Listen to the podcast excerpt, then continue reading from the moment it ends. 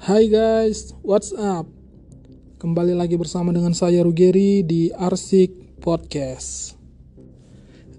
Dirgahayu Republik Indonesia yang ke-76, selamat ulang tahun buat negara saya tercinta Indonesia Raya.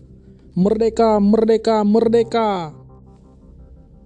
Kemarin tanggal 17 Agustus 2021 kita semua bangsa Indonesia merayakan hari kemerdekaan Republik Indonesia yang ke-76. Pasti teman-teman semua juga menyaksikan ya bagaimana sang saka merah putih dikibarkan dengan sangat megah. Tapi tahukah teman-teman bagaimana sejarah dari bendera merah putih? Kali ini saya akan bicara singkat ya tentang sejarah dari bendera merah putih. Upacara Hari Kemerdekaan Republik Indonesia yang diadakan setiap tanggal 17 Agustus di Istana Negara Republik Indonesia, bendera merah putih pasti akan selalu dikibarkan. Namun, bendera tersebut sebenarnya bukanlah bendera pusaka yang pertama kali digunakan pada zaman Soekarno, yaitu pada saat proklamasi kemerdekaan Indonesia dikumandangkan pada tanggal 17 Agustus 1945 yang silam melainkan yang dikebarkan itu hanyalah jenis dari duplikatnya. Ya. Jadi meski demikian, bendera bersejarah tersebut selalu diperlihatkan untuk umum saat upacara dan diserahkan oleh presiden kepada barisan paskibraka yang juga menerima bendera baru tersebut. Nah, setelah bendera baru dikibarkan, bendera pusaka akan diserahkan kembali kepada presiden selaku pemimpin upacara.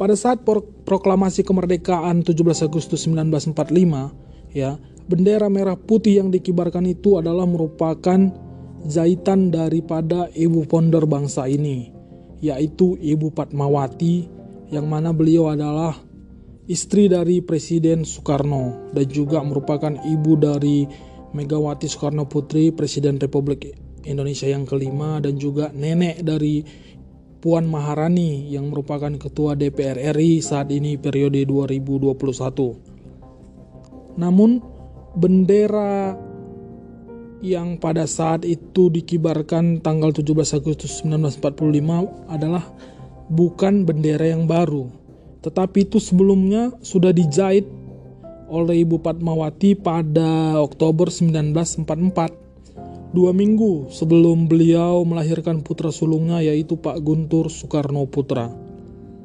Nah, yang menarik di sini ya, kita lihat bagaimana perjuangan Ibu Fatmawati menjahit sang saka merah putih.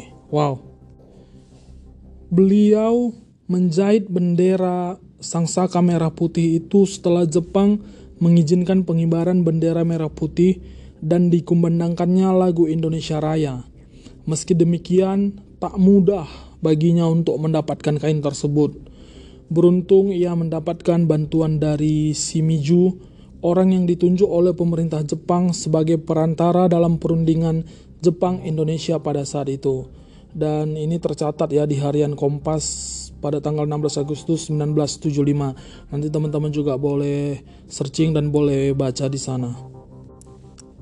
Dalam berita tersebut juga dikatakan bahwa kain tersebut diantarakan langsung ke rumah Bung Karno ya di jalan Penggangsaan Timur pada saat itu. Karena kondisi kandungan dari Ibu Fatmawati tersebut sudah mendekati nih mau lahiran. Oleh sebab itu dokter melarang Ibu Fatmawati untuk menggunakan atau menggunakan mesin jahit kaki pada saat itu untuk menjahit e, bendera merah putih. Teman-teman tahu ya mesin jahit kaki Nah, dari sini kita dapat belajar bagaimana perjuangan seorang ibu Fatmawati untuk boleh menjahit bendera sang saka merah putih agar dapat berkibar tinggi di langit yang biru. Nah, Ibu Fatmawati pun terpaksa menjahit bendera itu dengan kedua tangannya pada saat itu di tengah-tengah kehamilannya. Dalam waktu dua hari, bendera tersebut pun selesai dijahit oleh Ibu Fatmawati dan menjadikannya sebagai yang terbesar di Jakarta setiap kali dikibarkan di halaman rumahnya pada saat itu. Setahun kemudian, bendera hasil jahitan dari Ibu Fatmawati itu digunakan ketika upacara proklamasi kemerdekaan Republik Indonesia tanggal 17 Agustus 1945. Uh, ada juga cerita menarik lainnya yaitu ketika Belanda berhasil menduduki Yogyakarta pada tahun 1948 diceritakan bahwa bendera pusaka terpaksa dibelah menjadi dua bagian oleh Mutahar yang mana beliau ditugaskan oleh Soekarno pada saat tersebut untuk menyelamatkannya. Nah, baru setelah keadaan aman, bendera itu dijahit kembali seperti semula ya, seperti sedia kala dan itu semua juga tercatat di harian Kompas edisi 16 Agustus 1975. Nanti teman-teman juga boleh membacanya. Nah, wacana untuk mempensiunkan bendera pusaka ini sebenarnya bukan kali yang pertama ya dilakukan oleh bangsa kita Indonesia karena langkah yang serupa juga telah lama dilakukan oleh negara lain seperti Amerika dan Rusia. Mereka mengusulkan bahwa bendera pusaka sebaiknya dimasukkan ke dalam museum dan diganti dengan duplikatnya. Diusahakan agar bendera merah putih yang ukurannya sama dengan bendera pusaka. Kemudian di awal abad ke-20 di bawah kekuasaan Belanda, para pelajar dan kaum nasionalis menggunakan bendera yang mereka namakan Sang Merah Putih. Namun apakah teman-teman tahu apa makna dari bendera merah putih yang sebenarnya? bahwa bendera merah putih ini mempunyai makna khusus. Merah berarti berani dan putih berarti suci. Merah melambangkan tubuh manusia, sedangkan putih melambangkan jiwa manusia. Keduanya saling melengkapi dan menyempurnakan. Nah, itulah tadi sejarah perkembangan lahirnya sang saka merah putih ya. Nah, ada satu hal yang menarik lagi dari bendera merah putih, yang mana kita tahu bahwa negara Monaco juga memiliki bendera warna merah putih. Artinya sama dengan bendera kita Indonesia.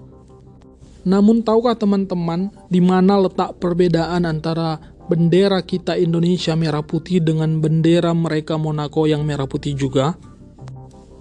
Secara kasat mata mungkin kita tidak melihat perbedaan, kita melihat hampir sama persis ya merah putih. Namun secara fisik perbedaan yang bisa dilihat dari kedua bendera itu adalah dari dimensi rasionya. Sekali lagi dari dimensi rasionya.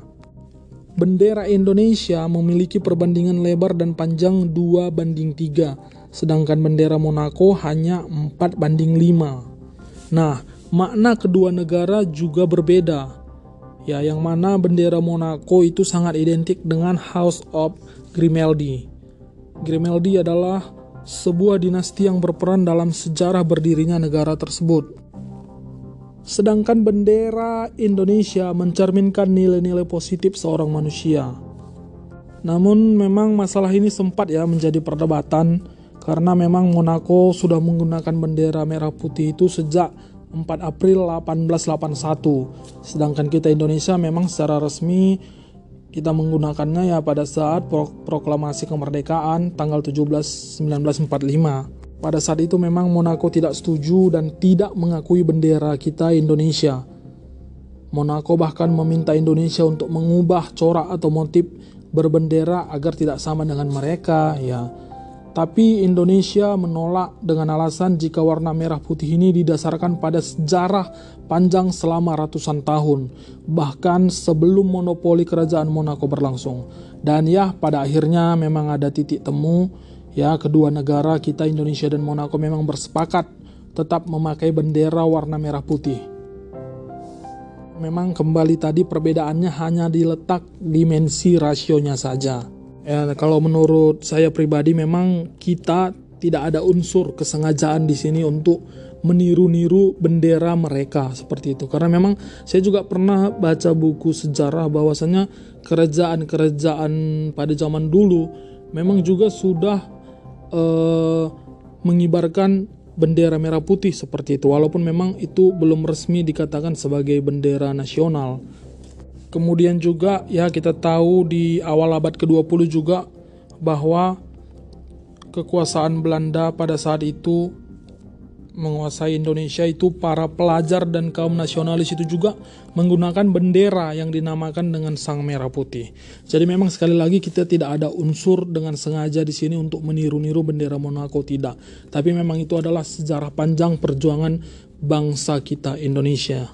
Oleh sebab itu kita di generasi sekarang sudah sepatutnya untuk menjaga agar merah putih tetap dapat berkibar agar kita juga tetap dalam NKRI Negara Kesatuan Republik Indonesia serta kita juga tidak goyah oleh propaganda, oleh hoax, oleh penyebab perpecahan di bangsa ini. Ini saatnya kita untuk bersatu, saling bahu-membahu, saling bergotong royong untuk Indonesia boleh bertumbuh, untuk Indonesia boleh tangguh, dan untuk Indonesia boleh maju. Merdeka, merdeka, merdeka. Salam jas merah.